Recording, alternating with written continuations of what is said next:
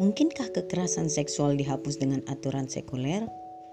Mencuatnya kasus kekerasan seksual yang dilakukan oknum dosen, ustadz, guru, dan aparat akhir-akhir ini seakan menjadi amunisi bagi para kalangan pegiat kesetaraan gender untuk kian mendesak pengesahan RUU Tindak Pidana Kekerasan Seksual atau RUU TPKS.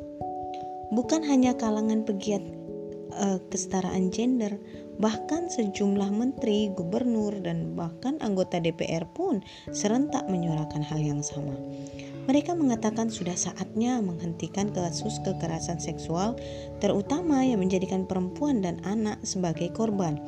Caranya dengan segera membuat payung hukum yang bisa menjerat pelaku sekaligus melindungi korban. Padahal seluruh jenis kekerasan dan persoalan lainnya berakar pada rusaknya sistem sekuler yang diterapkan, bukan akibat persoalan gender. Kekerasan ini tidak hanya menimpa kaum perempuan dan anak-anak, tetapi juga menimpa kaum laki-laki.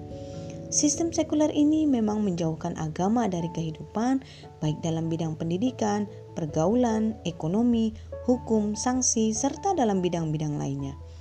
Masyarakat yang hidup dalam sistem rusak seperti ini justru menjadi wadah berkembangnya berbagai kerusakan. Pornografi, porno aksi, kriminalitas, seks bebas, penyimpangan perilaku, miras dan sejenisnya itu menjadi hal yang lumrah.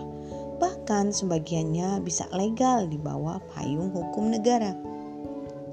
Selain berbasis paham sekuler liberal, RUU TPKS ini membiarkan pintu-pintu penyebab kekerasan dan kerusakan yang lebih besar dan terbuka lebar. Semisal membiarkan soal perzinaan dan penyimpangan seksual tidak tersentuh aturan. Bahkan masuknya frasa seksual konsen itu seakan memberi ruang perilaku bejat itu untuk berkembang luas di masyarakat. Mencegah atau menghapus kekerasan seksual, bahkan jenis-jenis kekerasan lainnya, hanya bisa dengan penerapan sistem Islam. Sistem ini tegak di atas akidah yang lurus, yakni keimanan kepada Allah Subhanahu wa Ta'ala sebagai Maha Pencipta sekaligus Maha Pengatur. Aturan Allah inilah yang dipastikan bisa menyolusi seluruh problem hidup manusia.